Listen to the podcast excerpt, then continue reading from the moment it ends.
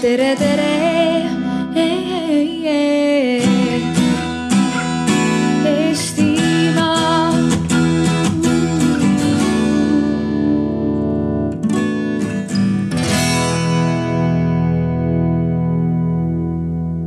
So that's why I care a lot about diversity.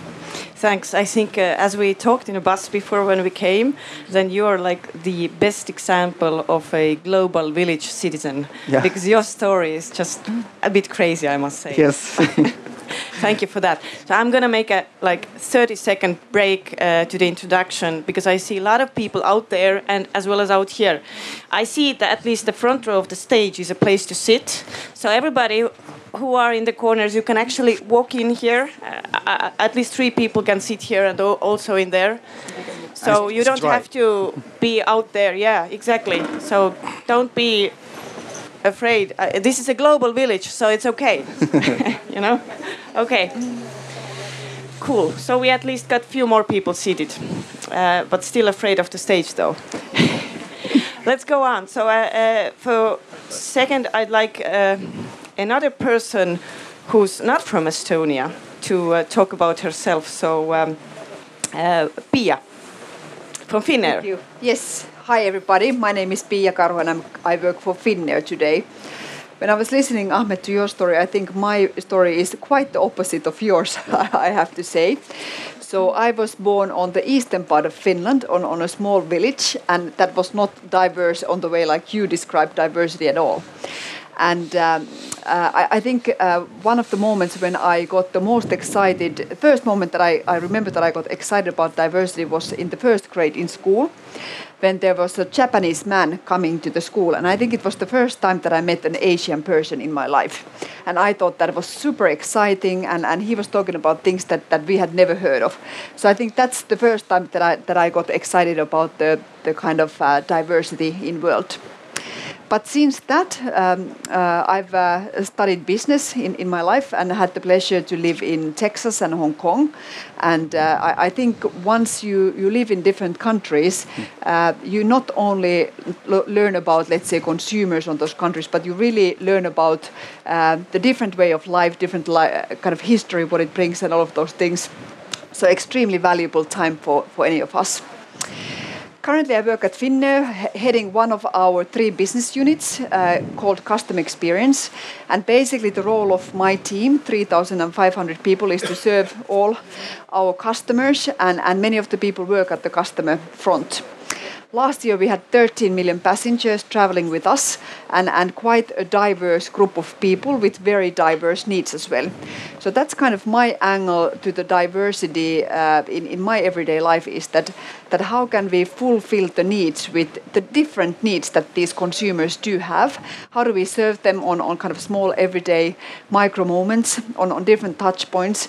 And also, how do we develop Finnair service in short term and long term so that it addresses the different needs that there are in, in the market? So that, that's a big challenge for us. Okay, we're gonna dig into those challenges later a bit more. Yes. But now let's hear uh, Kaire. Hi everyone, I'm uh, Kaire Tero. I'm HR manager in uh, Rimi Estonia. Uh, I've been a part of that company now already 12 years. Uh, it's kind of international company. Our uh, mother company is based in uh, Sweden. Um, and we have quite diverse uh, team in total company. What diversity means for me is uh, much wider than only age, gender, nationality. I think it has much more colors in it. And our employees, we have nearly 3,000 employees. I'm directly responsible for their work happiness. Is a very diverse team actually, without even thinking about uh, only gender or age or, or nationality.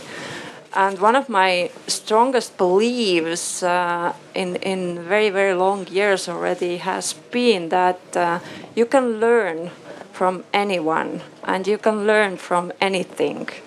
And every group of uh, people is it a family, is it an organization, is it a society?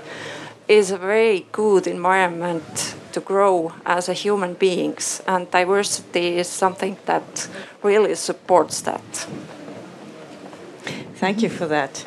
Now, as uh, many of us here, we are just philosophers or practitioners, but there is actually one person who uh, has a title of professor, yeah, and and uh, has really, um, should I say, investigated human brain.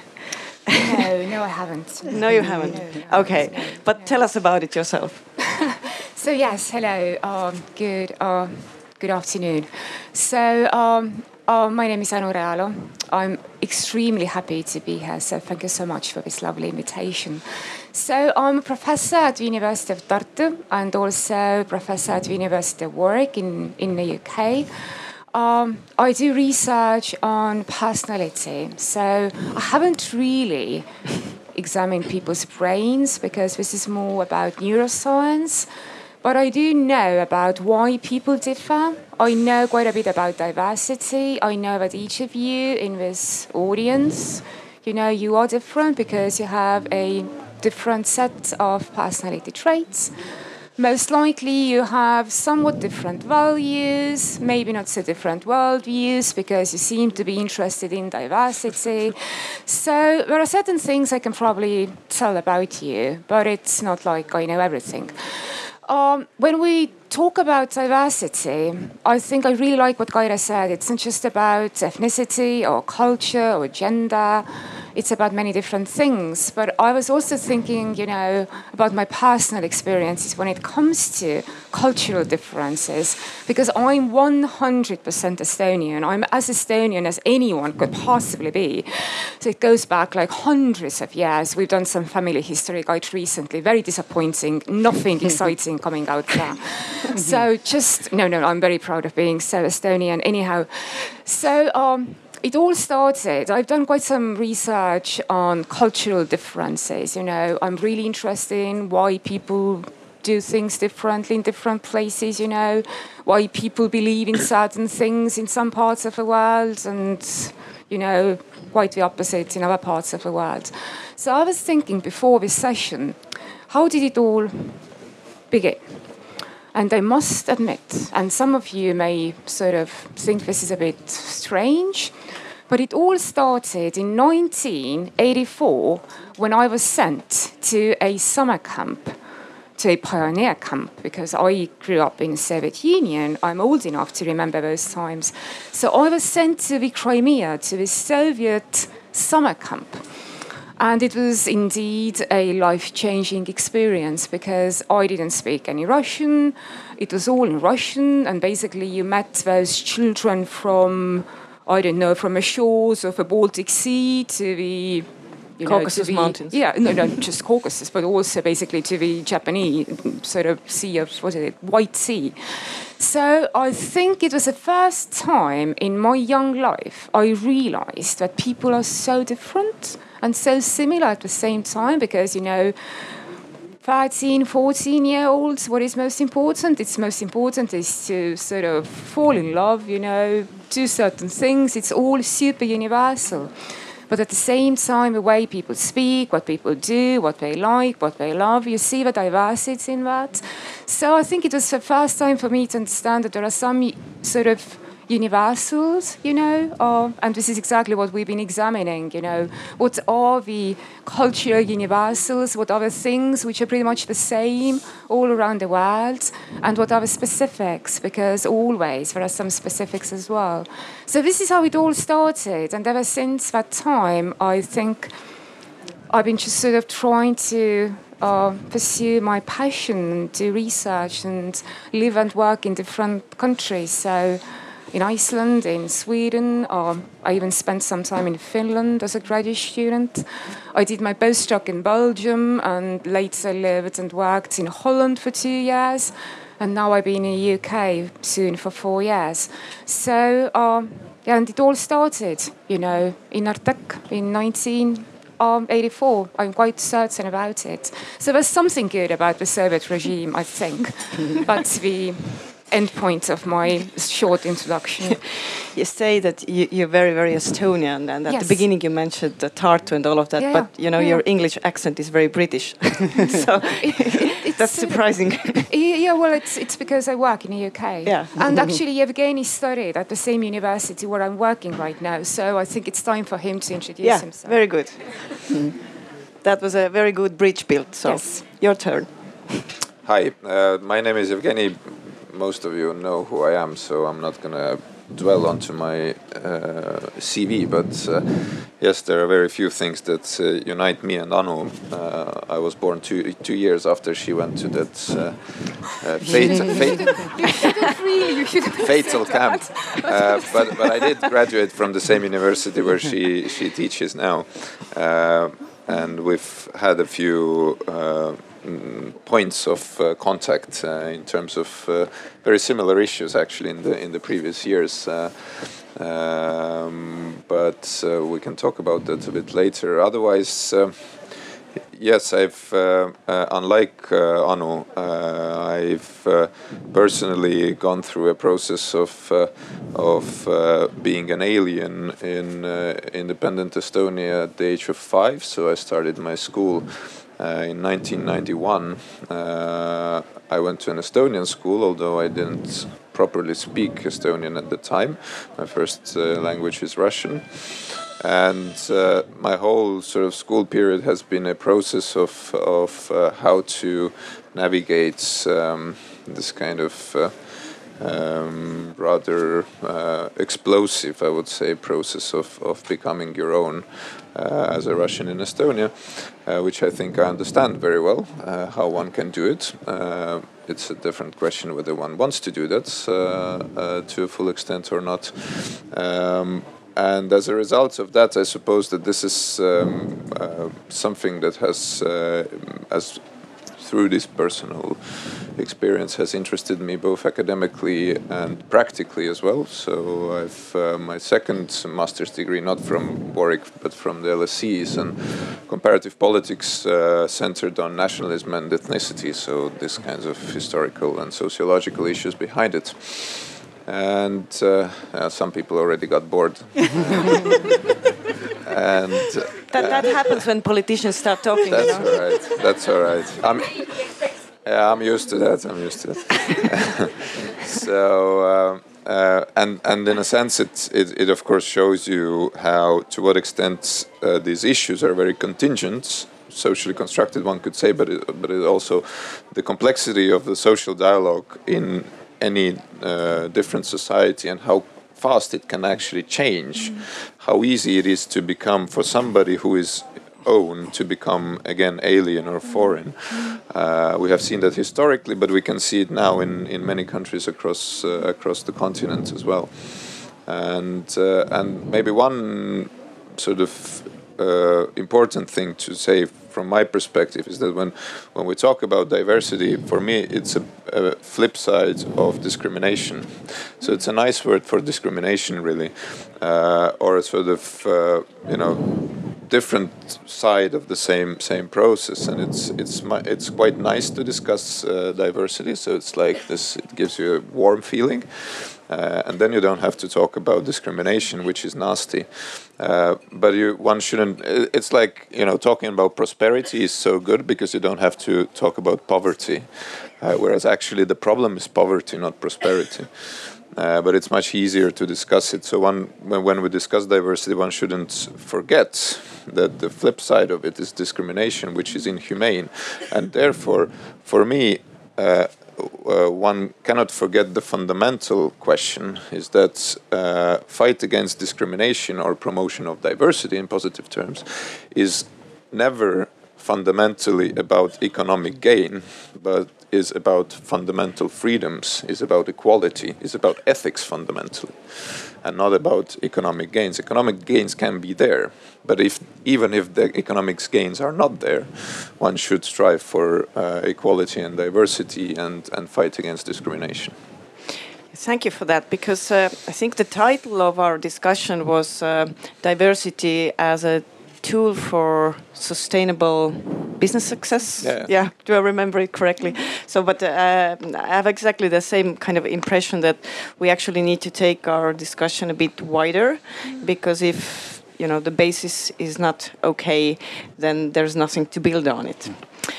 Uh, also to the audience that we are also taking questions. So if at any point anyone feels that you want to ask something, you have to just put your hand up, and uh, from time to time I will take a look around and I'll try to remember you, and then uh, we'll give you a word. But um, when preparing for this um, discussion, uh, I decided uh, that uh, let's choose two angles to to di- discuss. One would be the bias, and another would be inclusive decision making.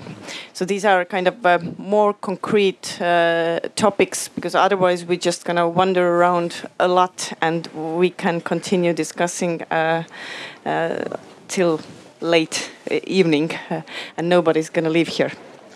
So uh, let's first uh, a little bit uh, try to talk about bias. And uh, as I understood correctly, you're all supporting the diverse society concept, right? Yeah. Yes. So nobody's against, which is of course a little bit. Uh, ma- it makes uh, this discussion difficult because if nobody's ag- against, we're just gonna maybe sugarcoat each other a bit. So let's try to bring in those. Um, pros and, and cons so that it will be only not the nice stories around. But uh, yeah, about biases. I think every day in life we unconsciously do it, even though if we don't want to. So I was thinking that maybe uh, Anu, you could first a little bit open your views on the matter, and then we could take it from there. Sure, yes. Um, I think this unconscious bias, it's been one of the buzzwords um, in psychology and also in business and in organizations for quite some years now. Um, as a psychologist, as I must say, I'm not overly enthusiastic about it, if I may say so. I think it's one of the concepts, and it very much relates to what Yevgeny said just a few uh, minutes ago. Like when we talk about diversity, we talk about diversity, and we don't really want to talk about discrimination. And when we talk about unconscious bias, we talk about something which is not conscious because it allows us to justify discrimination in a way because of course we do this because we are not aware of this. And it's absolutely fine. Let's discuss you know what kind of unconscious biases you have and maybe we can all become better people this way. So um, there are tons of studies examining this issue and also uh, whether it's actually possible to sort of like you know all these training sessions i'm sure finnair has those as well like you know how to be aware of your unconscious biases and everything to be honest, research doesn't really support this because at the level of individuals, it's not a stable characteristic. I may have quite some biases this afternoon. If you test me again tomorrow morning, it's all gone.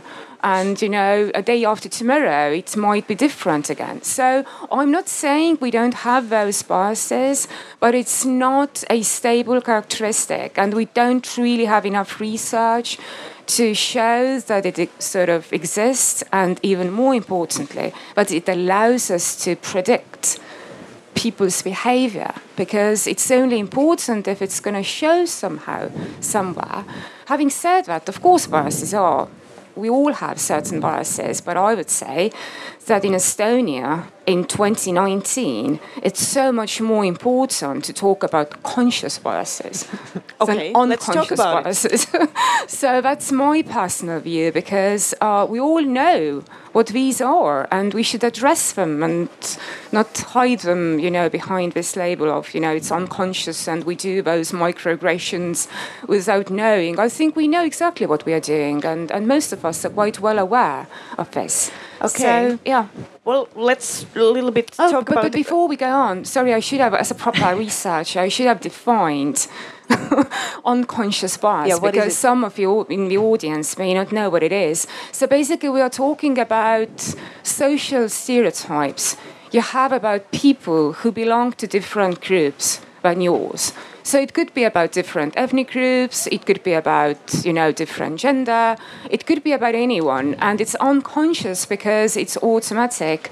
It's somehow in your brain, it's been ingrained in that so that you're not aware of this yourself. So, and of course, it has, according to some researchers and many popular myths, it has important impact on how you behave, what you do, and how you discriminate against other people. So that's a simple definition of unconscious bias. Okay, Ahmed wants to continue.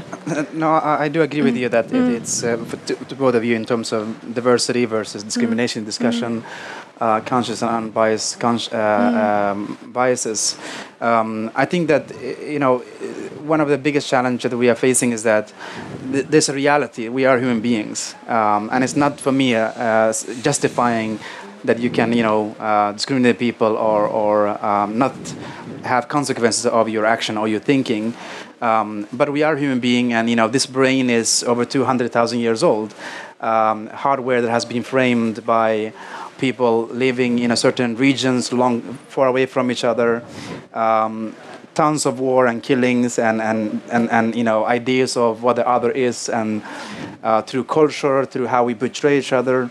Um, and then since you know the last 50 uh, 100 years um, you have more globalization, but at the same time you have more technology that can allow you to spread that discrimination or unbiased or unconscious ideas of the other. Uh, and now, 2019, with social media, that's why we're having all these difficulties on addressing these issues, um, because our ego and our dark side is the same time there present in, in, in technology as well as a good side so I mean, for me, it's it's very important that the way to fight these issues is um, not. I mean, the best way to to how do you say vaccinate yourself against this um, the idea of the other or discrimination or or un, unbiased um, uh, unconscious bias is to actually have people mix. I mean, th there's no other way you can learn about the other um, unless you meet them. Uh, and this is why it's very important um, to continue having the discussion, to continue creating meeting places where you bring people together. Otherwise, it's very difficult to, to leave that idea of um, the other.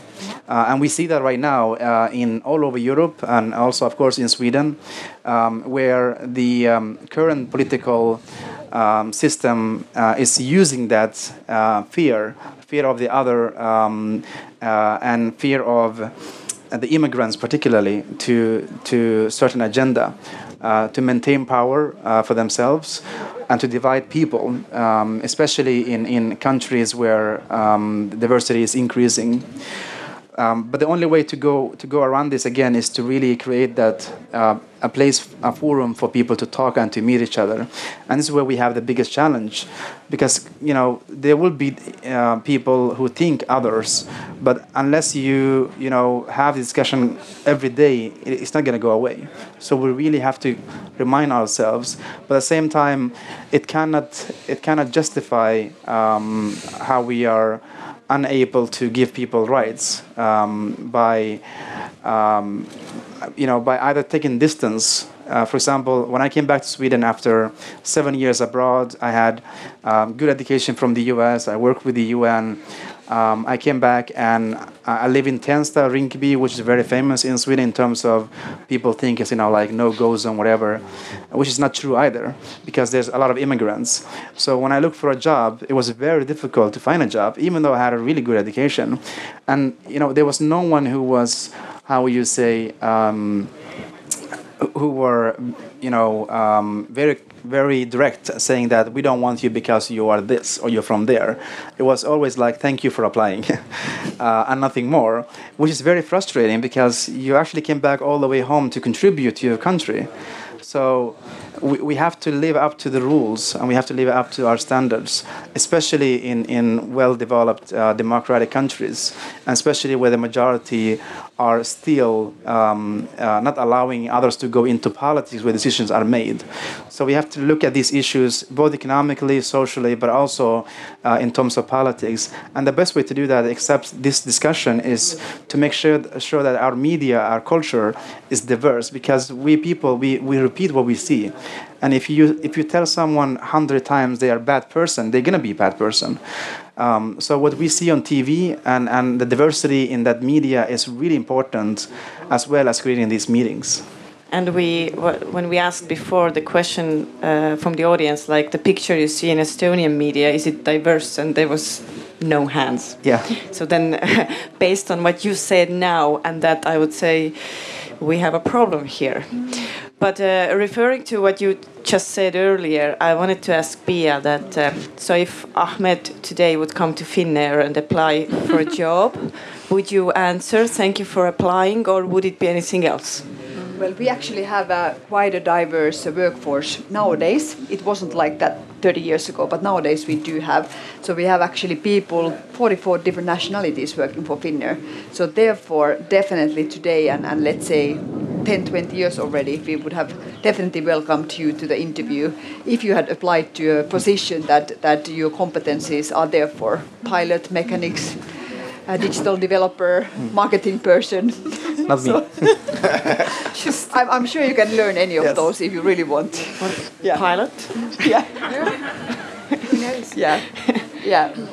But maybe to continue, I I think you used a nice word, vaccination, towards the biasness there when you were talking, and and I, I think one one thing that uh, particularly in the, in the corporate world um, makes us consciously being biased or unbiased is, is rush and, and speed to, to conclusions. Um, plate is full of things that you need to conclude and, and proposals you need to make and, and uh, profit that, that is needed in a way. So, so I think that's kind of the thing that, that we, that's an excuse for ourselves not to have those dialogues that are needed in a way uh, always. But definitely agree what you said about that, that uh, dialogue is the, is the only way to um, mature any topic or any decision and, and thus overcome the the biasness of the of the original team who, who was building the decision. I think um, in my early career, uh, one of my bosses really taught me to uh, have these validation discussions and. um then uh, maybe I was a little bit more, uh, let's say, even even um, wanted to get things done really fast. So I was a bit bit uh, kind of that. Do I really need to do this? But but I really learned that that any of those discussions, all of those discussions, added value to the solution that we were building. So I think that's important to really take the time for those dialogues uh, and, and and kind of mature the topic. And and also of course it, it's about engaging people. Uh, what will be the next phase? So so that's what I do. For example, myself that I, I love to. Um, just have unofficial discussions with our people, cabin crew members, people at the airport, people at the contact centers, digital teams, and just kind of validate the thoughts that are there and, and therefore get new perspectives and maybe risks that are related to implementation or things like that. So dialogue definitely needed. Kaire, what do you think? Uh, you you mentioned before that you have 3,000 people working at Rimi, right? So how do you make sure every day that uh, people who hire other people are free from unconscious as well as conscious bias? Do you have tools for that? Do you have rules for that? Because there are some things, I mean, you can force, but there are some things that also need time and to kind of evolve naturally because we grow every day we grow i mean even when we're old we are still learning so how do you do it at Rimi? Very good question, but I think it's uh, it's basically impossible because we tend to like people who are similar to, to ourselves. But how to uh, kind of help a bit in here is uh, that you do not uh, do this recruitment decision uh, on yourself. You have some other eyes. Uh, and uh, there are always uh, several interviews before the hiring decision and many team members involved. This is one of the possibilities to avoid that, but uh, I would lie if I say that uh, we don't have uh, this this kind of discrimination at all. That we don't hire people who we uh, like more and who are more like us, similar to us. But we, we do our best to avoid it. Yeah. Has anybody uh, used uh, ever, I think maybe two of you as your representatives of the companies, I've heard of these kind of tools like when you somebody is applying for a job, then the first round you hide the gender and the age, uh, even the nationality sometimes. Because if you know that there are these biases in the society, then uh, you make sure that you are actually hiring people based on their experience and their knowledge and not about this kind of background. No, no experience. No. Uh, not really, but what we have done uh, in certain managerial positions, um, we expect uh, the gender balance, for instance, uh, to be equal among candidates. And to the final round, we also choose based on that to make it more diverse and give opportunities to, to if we are talking about gender, the both gender. Uh, uh, present- representations and um, and also what comes to to age. But nowadays, uh, what I suggest to people who uh, apply for different jobs, uh, don't show your age. You don't need to do that, or, or even gender, or don't don't put your your picture there. There's no need for that. What matters is your competences. I just want to ask one question from Evgeny because I have actually analyzed Estonian uh, political parties uh, from the angle of gender equality, and Social Democratic uh, Party has the best numbers in there. So you are the most uh, equal w- when I look at the uh, party board and also the representatives in the lists and all of that. So how has that happened? Did you have to force it, or is it something that's yeah, normal? It's, it's it's been very hard work. Of course, it's it's not easy uh, because it's uh, it's basically uh, quite plainly and simply it's uh, it's a loss of entitlement for men. Uh, in terms of, of candidate lists, for example, uh, all parties would say, "Yeah, but we just don't have any women in the electoral district. Where do we get them?" And then you see five men sitting around the table. Where do we get them? But we have five men here. Uh, so this is how it works. And then when you bring somebody in, then then of course it's uh, it's gonna you know uh, create tensions. So it's it's it's uh, it's a long term work uh, to do and but it's possible. It's it is clearly possible. We have, for example, uh, in 2015, previous parliamentary elections, only one uh, woman was uh, number one in her regional list, uh, even in our party, uh, and this time we had four, I think, uh, out of 12. So it's a third, still not there quite, but you know, it's substantial Im- improvement. And in the parliament, actually, we had 50 50 uh, uh, voted by, by, uh, by the voters this time, which is, of course, part of the, of the list placement, otherwise, it doesn't happen.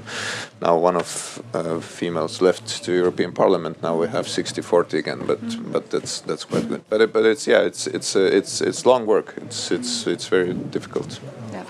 Can I say, yeah, can, I, can I say something uh, about academia? Because we talk about business organizations and we talk about political parties. When it comes to recruitment, I think academia, at least in the UK, it's definitely more egalitarian in terms of uh, ethnic or cultural diversity. Because I've sat on several recruitment boards.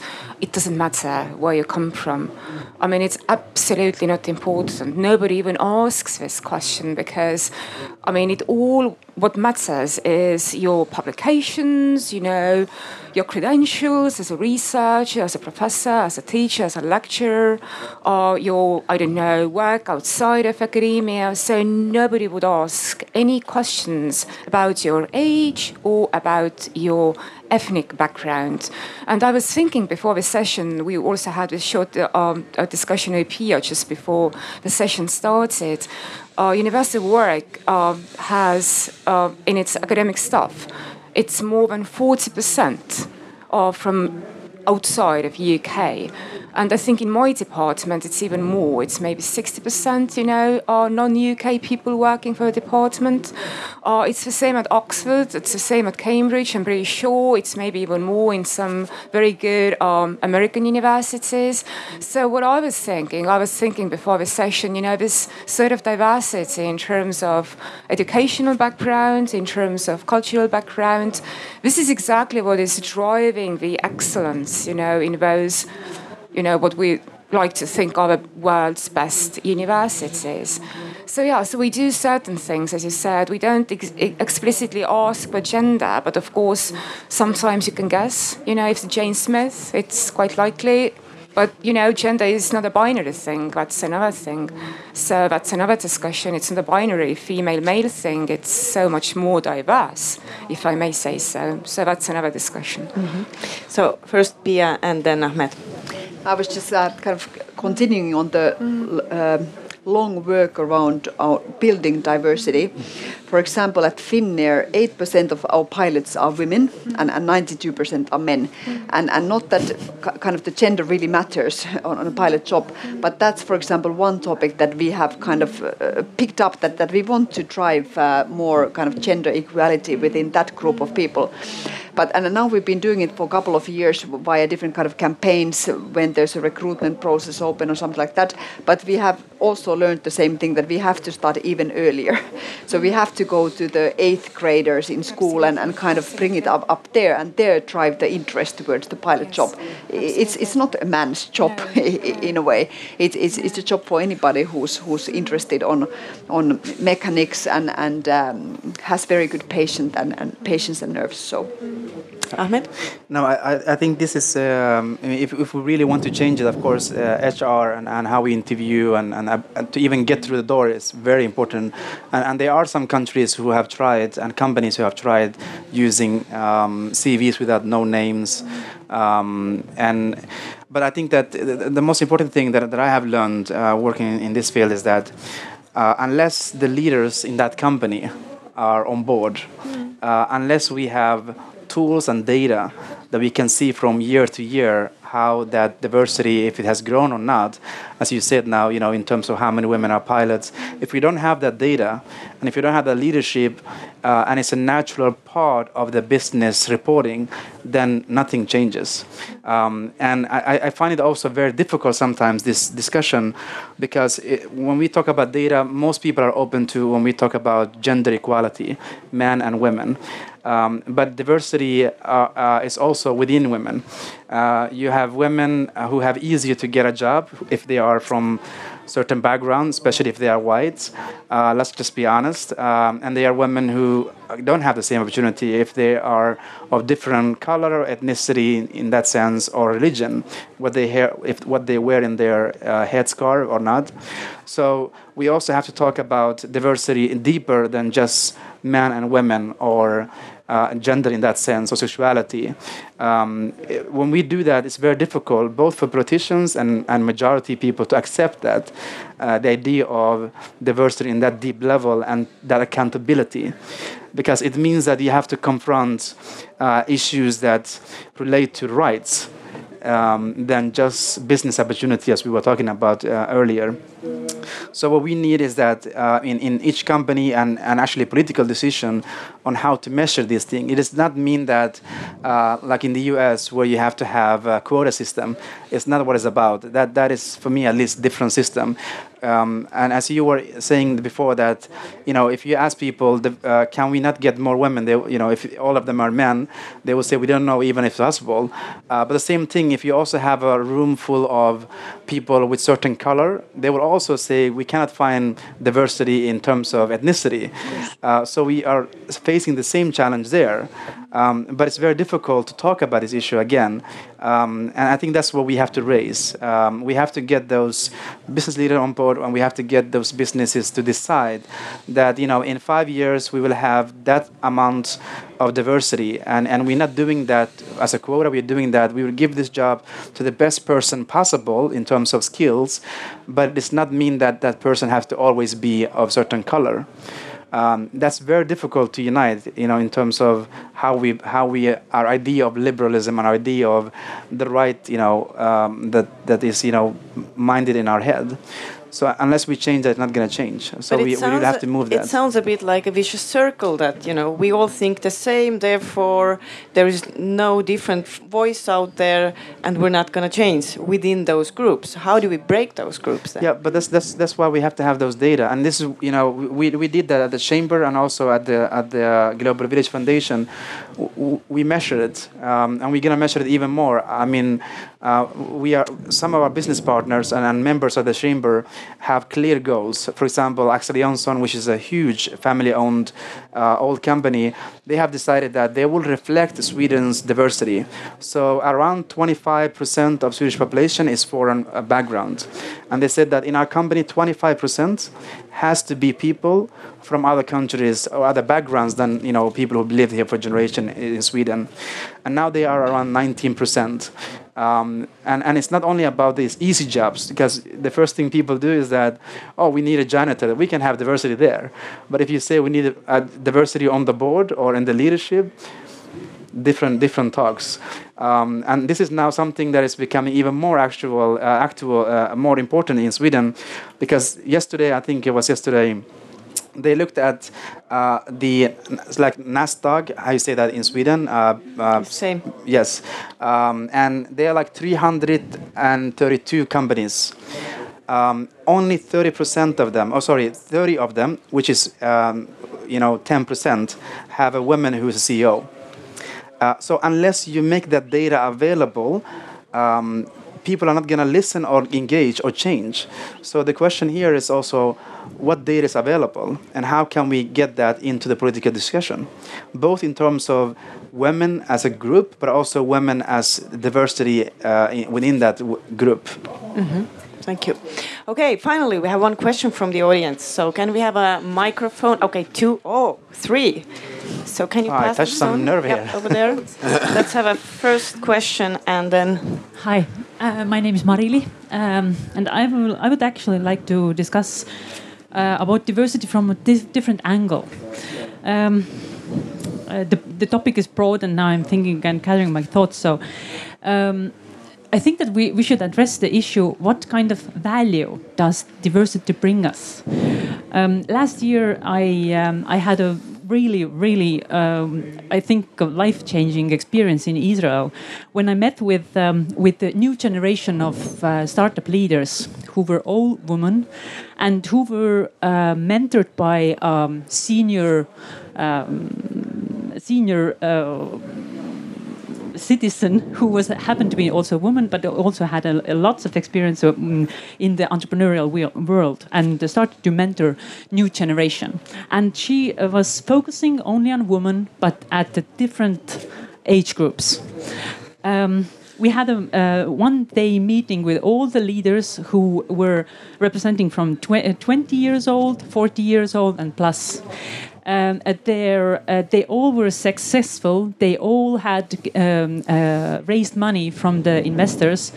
Um, and what was so wonderful about it was that they had no prior experience. Their only background was that they had their mentor, they were empowered, uh, they uh, learned a lot, they were enthusiastic. And what was the greatest value about it was that they uh, were addressing issues and problems within the society which were not addressed before. So, um, um, and that that. Um, brought me to uh, to realize that uh, that uh, there is the possibility for the future. When we open up the, the um, our doors to div- div- diversity empower and give the, skills then the people themselves uh, find their inner power to address the issues which are neglected. They um, have the uh, the uh, the courage to uh, to address the technology world which has been driving our world for the 50 years uh, and has been led by the men who are in the age group of 25 to 45 I rest my case. And the question was? I would like to have the discussion among you on that topic. All right. So anybody wants to? I'm the only one, or is somebody else? Do you want to reflect on that? Yeah. Okay. Pia? I think a very, very important point that particularly when we're looking for true innovations, I mean, sometimes we talk about innovations that are actually just an, you know, a next version of something we already have. And um, just what I wanted to build on that one is that that let's say that we at Finnair are having a having a you know great I- innovation in my mind. Very easily, I validate it with another airline, in a way, or, or, or another corporate. But what really adds value is, is if I talk to you know somebody from a totally different world, like you or, or you, or so that, that we really kind of. Um, engage pe- people who are really different and, and who kind of come from the different part of the society as a whole. So that way you can really add value and, and kind of uh, make the evolution actually a revolution. Thank you. Uh, we had one more question we would like to reflect on. Yeah? Whoops. Okay. Uh, in many EU countries, there are laws and legislation around um, what you can put in a job advertisement and what you cannot put in a job advertisement. And uh, in many EU countries, it's a requirement for companies to advertise jobs with the recommended salary actually in the job advert. Estonia is one of some EU countries that does not require that, and so the majority of jobs people will apply and then they'll go to the interview and then they will be asked to state their um, required salary at the end of the interview. Um, given that there's at least anecdotal evidence that women are more likely to nominate themselves for a lower salary than men, uh, is this not a generator of inequality within Estonia? And um, how could uh, is is there is there any chance of Estonia requiring that companies place salaries in job advertisements? Thank you. What's your name? Stuart. Stuart. That's a very good question. Estonia has the highest pay gap in Europe, by the way. But um, who wants to reflect on it first? I can, I, I can talk a lot about it. Shortly Uh, then. Yes. That's another uh, tough fight. Um, I think that Estonian society as a whole hasn't really got past the question why to deal with the with the issue uh, before even getting to question of how to do it. I remember when I I became a minister for equality, including gender equality in 2015. Then I presented. To the cabinet uh, a, a set of sort of first steps that could be taken, which is basically what the what the specialists in the ministry and experts had already you know worked out for a long time, but but there was no political will to to enact them. So so I presented them to the cabinet, and I will probably remember it forever as uh, there was one woman around the table uh, in in in the government at the time, and and then I remember one male colleague saying like. What gender pay gap? I don't see any gender pay gap. and and you can you get the feeling why why why why nothing is really moving in that direction. So what we've uh, uh, we, what we've we have done is that. Uh, uh, first of all, which was again a big fight. We, it's unbelievable that one someone has to fight for that. But I fought for half a year with Ministry of Finance so that they now include in their public service yearbook a section on uh, gender equality. They measured different professions, age, whatever characteristics, but not gender, because we don't have a problem of gender equality.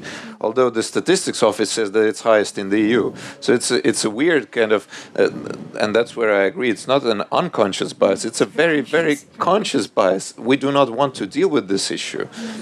Why is that the case? I have no idea. But now it's in there, so you can check from uh, last year's uh, uh, public service yearbook. Uh, at least there is a understanding now uh, by uh, professional groups where there is a pay, gender pay gap and where there isn't. And in public sector, actually things are getting much much better. Also partly because of that, because they know that they will be now monitored based on that. I know that in social ministry we made it mandatory to for the salary to be published with the um, together with the job offer. But uh, when I tried to uh, touch the private sector just a tiny little bit, uh, then uh, that backlash was incredible.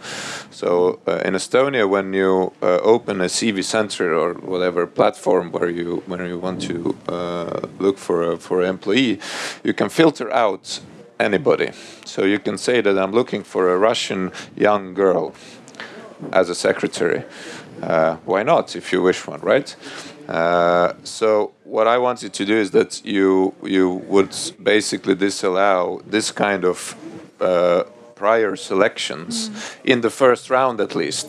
At least look at their CV. You can throw it away. You don't have to you know ask them, but but don't throw them away in a mass way. It's it sounds it's, it's you know it's very robust in my my understanding, but of course it's uh, turned out to be an incredible uh, infringement on the entrepreneurship uh, freedom, and uh, of course uh, my fantastic coalition partner Isamaa didn't support it, and. If you think about it further, then in this regard, in terms of, of social values, of course, the political situation has soured since then. So that's the uh, uh, reply why nothing has happened. Yeah, but And it's uh, probably won't for a long time. It's also coming back to the group thinking, like the same type of people think the same way and also tend to neglect the problems because the proportion between men and women in Estonian parliament actually hasn't changed in 15 years. So maybe two or three people more or less, uh, that's, that's what has been the only change. So I, I think one of the answers is also there. But, but it also goes to the level of, of ministries and and so on. Although women are majority Mm. in the ministries, uh, I I won't say in which ministry it was. Uh, I've worked in two. Better not. uh, uh, where uh, I asked why do we have so many Russia, so few Russian speakers in the ministries? We have like three, four percent maybe out of a portion of thirty percent of population. So you can, you know, uh, maybe say that okay, some some of them don't have uh, citizenship, maybe some of them don't speak Estonian enough, but uh, I would guess that maybe ten percent would be, you know, at least the minimum or something like that. And then one reason is that Russians don't actually apply because they usually know that they will be told thank you very much. Uh, but secondly, even when they do, they're often not chosen. And I asked the HR person in the ministry, well, the Estonian speaker just left a better impression. And that's it. Uh, and therefore, uh, the, what my realization is that basically on this on the level of, of leadership, if you, you have to turn attention to that. Uh, you basically have to have rules in place uh, because otherwise uh, it will be down to well she just left or he left a better impression. And it might be actually the case that they do leave a better impression because maybe they speak estonian without an accent. And usually people who speak your language without an accent leave a better impression. So so if you don't have a, a conscious strategy to deal with these things then you won't achieve any any results. I don't believe that that one can achieve much in this uh, particular area of, of private companies, at least, uh, with regulation, but you can achieve a lot with uh, with uh, positive examples within the sector itself, uh, who usually have a clear agenda for promoting diversity. So it doesn't happen on its own. Uh, this will be my my only long re- uh, uh, reply. So sorry, one more sentence. So w- when we when we try to uh, work on on gender uh, pay gap uh, a few years ago to to provide a tool which actually gives companies a possibility to gauge their own uh, gender inequality in the companies. So you take the statistics office data and the tax board data, and you can actually crunch the numbers and show the company that look, you have a gender inequality in your company. We know that, and do something about it. Uh, then there was again a huge backlash, blah blah blah blah. So all this you know European crap attacking Estonian values, uh, but uh, uh, basically at the time. When we investigated it with many companies, bigger companies, then, then, then a lot of them were actually very surprised that they have a gender pay gap. And, and this is, it's not a, a, a unconscious bias, but it's an unconscious sort of process within the company where they would say that, yeah, but women just don't ask for a pay rise. And the men, there's so, you know, they're just coming every, every month. And then, well, in the end, you have to do something. Uh, so, so by giving them the analytic picture that look after three years this is what has happened in your uh, in your organization. Many of them realize wow I, I need to do something. I have to have some clear rules about it so that i would look that when men don't you know run ahead and so on even though your answer was long, it's very hard to uh, uh, object because uh, I was part of the Estonian political life also over a decade, and I thought that it's really bad there.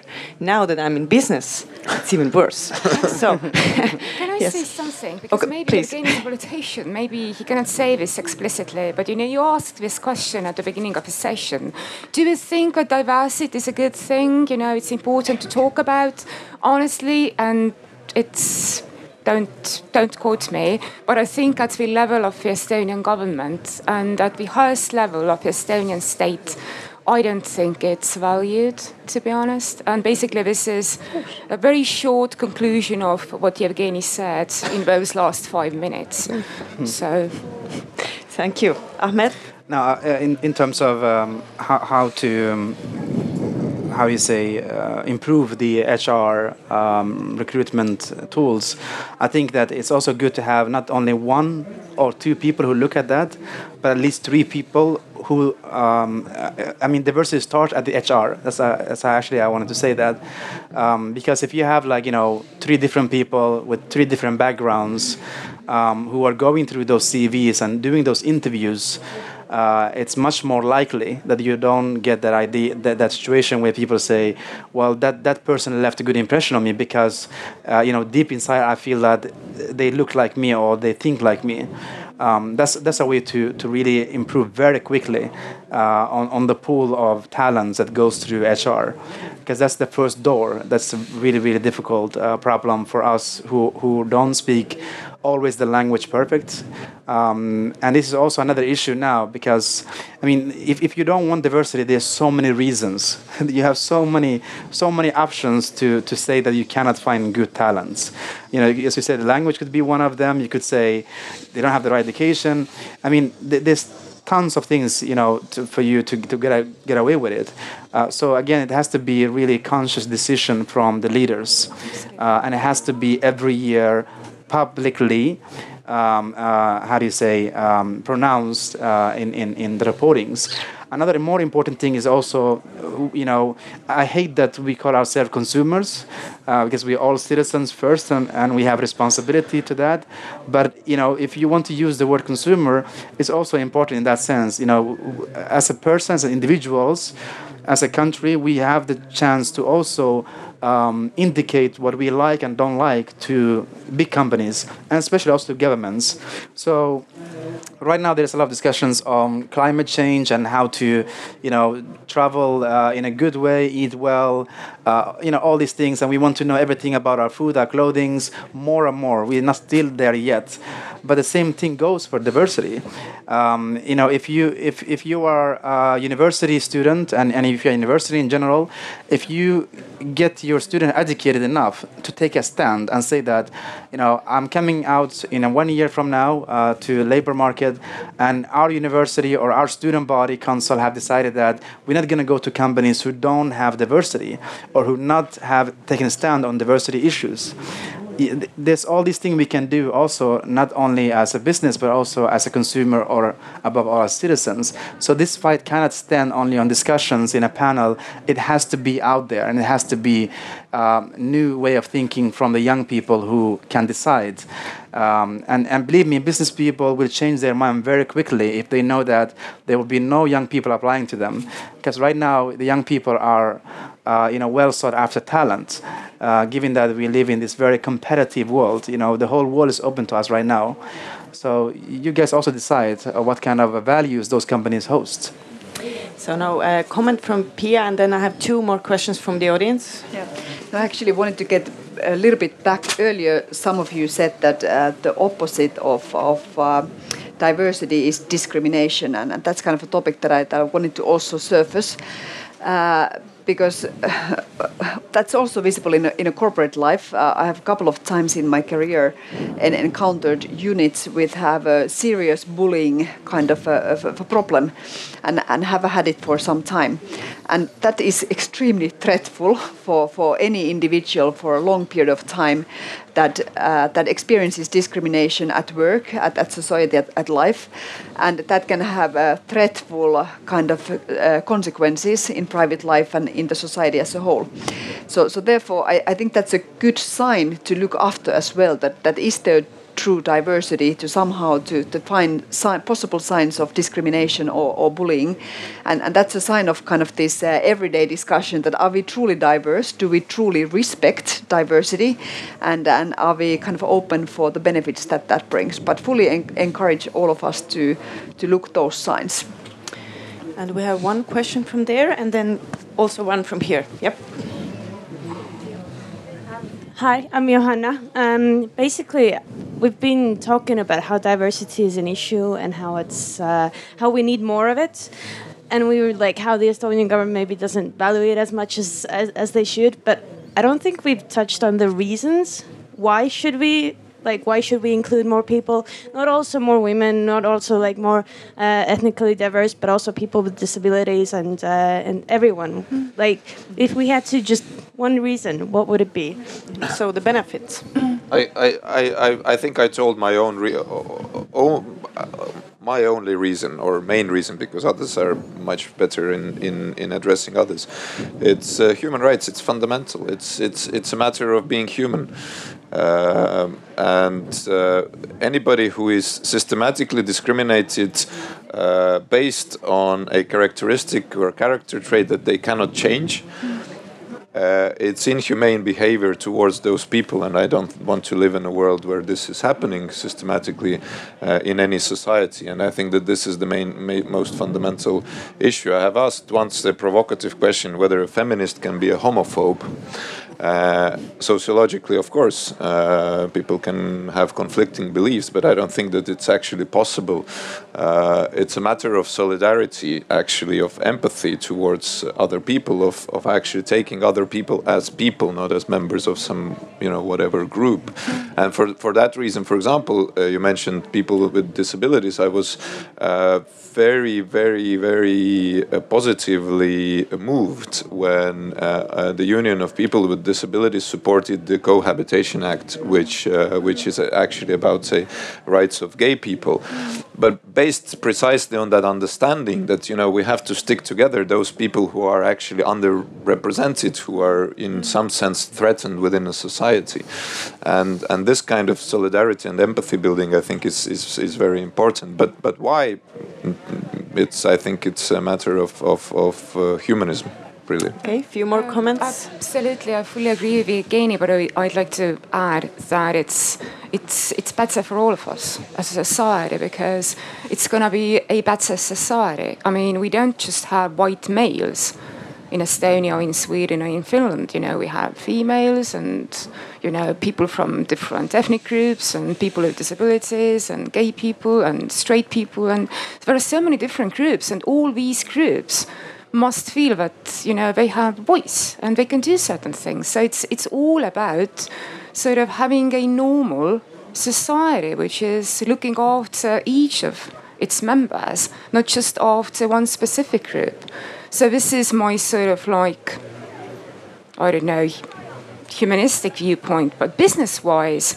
I mean, if you're not interested in human values and that kind of thing, I mean, there was this recent study done a couple of years ago um, amongst 70,000 um, sort of, you know, business uh, business um, members, um, and it showed that you know more diverse business organizations basically had 20% more revenue. And it's a very solid piece of research. And when we talk about diversity, it's not just ethnic diversity, it's age, it's gender, different disciplines, different career paths, and so on and so forth, six different components. So even if you're not really interested in egalitarianism or values like this, which I strongly subscribe for. Yeah, they should. I know, I know. But if you're not, I'm not gonna. I'm. I'm I wish I could impose my set of values, but at least for those people who are more interested, you know, in money and power and that kind of thing, and we do know that there is a very sort of important, strong group of people in Estonia who see those values as more important. It's still diversity, is still good because it brings in more money. So it's good in every possible way. we have time uh, for. Okay, I'm giving, giving you a comment, and then last question because actually our time is up.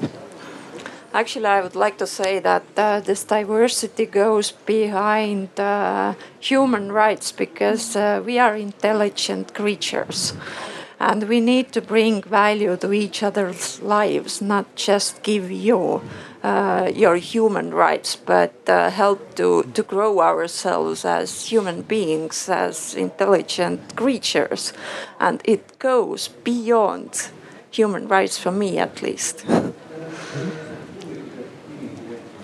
Last question. And since we are not allowed here to discriminate other uh, discussions, we are not allowed to go over time. So it's got to be a short question. Thank you. I was going to have a whole lecture. um, well, no, I have no problem with diversity. I have a hyphenated name. I'm Ilvi Cannon from Jõe-Cannon, from uh, and I've been uh, a volunteer uh, at the Estonian Women's. Uh, Studies Center uh, almost as long as uh, Evgeny was. Well, he was in a school bench uh, attending school when I started. So, anyway, yes, we have a problem about the gender pay gap in the country, but I must say, when I and we have a problem with discrimination. I remember when I first moved here and sitting around a table uh, with Estonians, coming back to my land of birth, so happy, and I raised a question about, you know, what about discrimination? Uh, and uh, the people were stunned; they hadn't even thought of that word back then, and they said, "Well, there is no discrimination in this country." So it's what we've come a long way. And I'm quite convinced that we will continue to go because the gender pay, gap has been a public issue now for several years and it is uh, something that we need to work out.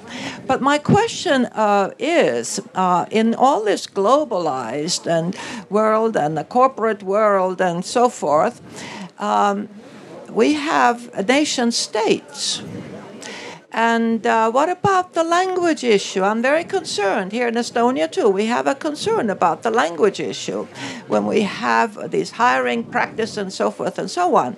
Uh, what about the native language of a country where a corporation comes in and uh, uh, is very much interested in making money. I don't. They don't come here because they like our blue eyes. No, no, no, no. They come here because they see potential and they want to make money. So uh, what about that? Uh, the state, uh, nation states and their. We talked about culture, culture, culture. I heard the word, but not nation state and what it means in a corporate challenging world. Thank you. So, who wants to go first? Two comments we can take.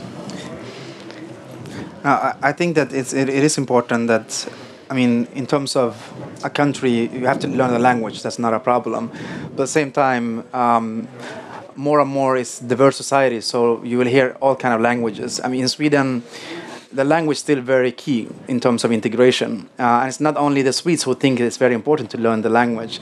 Actually, we did an interview uh, with 2,000 people who live in a, who come from different countries, and they all say the language is also very, very important. Um, and uh, I mean, there's an idea of that immigration and diversity uh, is a threat to the national state or the national identity. Uh, it's usually the opposite. Um, people who come to uh, new countries, um, in this case Sweden, they are actually much more hopeful about Sweden, Sweden as future. Uh, they're actually much more caring about Sweden because they know what they left. Um, so I always, I don't usually see that um, nation state and globalization, you know, it's, it's always uh, uh um, uh, on a clash. Mm in terms of borders, in terms of you know everything else, it will change, and it has to change because we very much becoming very globalized. Um, but in terms of businesses who come to to to our countries, um, I don't think their idea is to. Um, how do you say uh, take over the nation state? I mean, of course, uh, huge corporations all over around the world. Uh, some of them actually more powerful in terms of income than countries. Yes, um, but it, it I don't see it as um, as a threat. Uh, to be honest. Um, and I think that even though the nation state will exist, it will change its nature and how it operates. And it's just a natural thing. It, it's never been, nothing has ever lasted forever. Everything has always been tweaked and changed. And it's very difficult now when these changes are c- coming so fast and we are aware of them because we have you know social media and telephones and everything in our hands so it's also an anxiety dealing with so much information which our brain is not made for so the world is changing but but it's not as bad as people think it's actually getting much better than what what it, people say Due to the lack of time, I'm not allowed to take any more answers. It was a good But, answer. but I think it was a very good answer. And I, I have a one question that I would like each of you just to answer with one word. And that's, this will be the summary. So we talked about, actually, it was Ahmed who brought it in the word vaccination. So if you could choose one, one uh, vaccine against discrimination, against what would it be? One characteristic, like against what? Who wants to go first? Uh, I can go first. Okay. Uh, tolerance and noticing other people around you. Okay. Uh, kind of um, uh, limited competencies. Anu? Is it like I'm, I'm not quite sure I understood your question. One vaccination against uh, one type of discrimination. What would it be? I know it's hard. You just have to choose one. No, just go on. I have to think about it. It's too Okay. deep. Yeah, you heard. Uh, I think it was it would be uh, um, letting people meet each other. I mean, creating meeting places. Um, there's no better way than you know sitting face to face, shaking hands. Um, diversity you cannot learn in a book. Uh, You have to you have to exercise it. You have to experiment it, uh, and this is where we are missing today. Um, so I can go on for a long time, Okay. but No I'll stop time for there. I, One word. Yeah. I was actually going to say the same thing, but uh, I'll, I'll, I'll use another one then. It, it's uh, uh, in terms of uh, society, it's uh, um, must be demands uh, from citizens towards uh, their political leaders, because if there is no demand, then as we can see, there is no supply. Yeah. After the discussion, you can all start demanding. Yeah. Okay, Anu, are you ready now to say that one word? Mm, I would just say tolerance. And I'm not sure if it should be negative or positive, but I think tolerance will do the job for now. All right. Thank you for coming. I also wanted to talk about inclusive decision making, but it was impossible with this time frame. Thank you all for listening, for nice questions.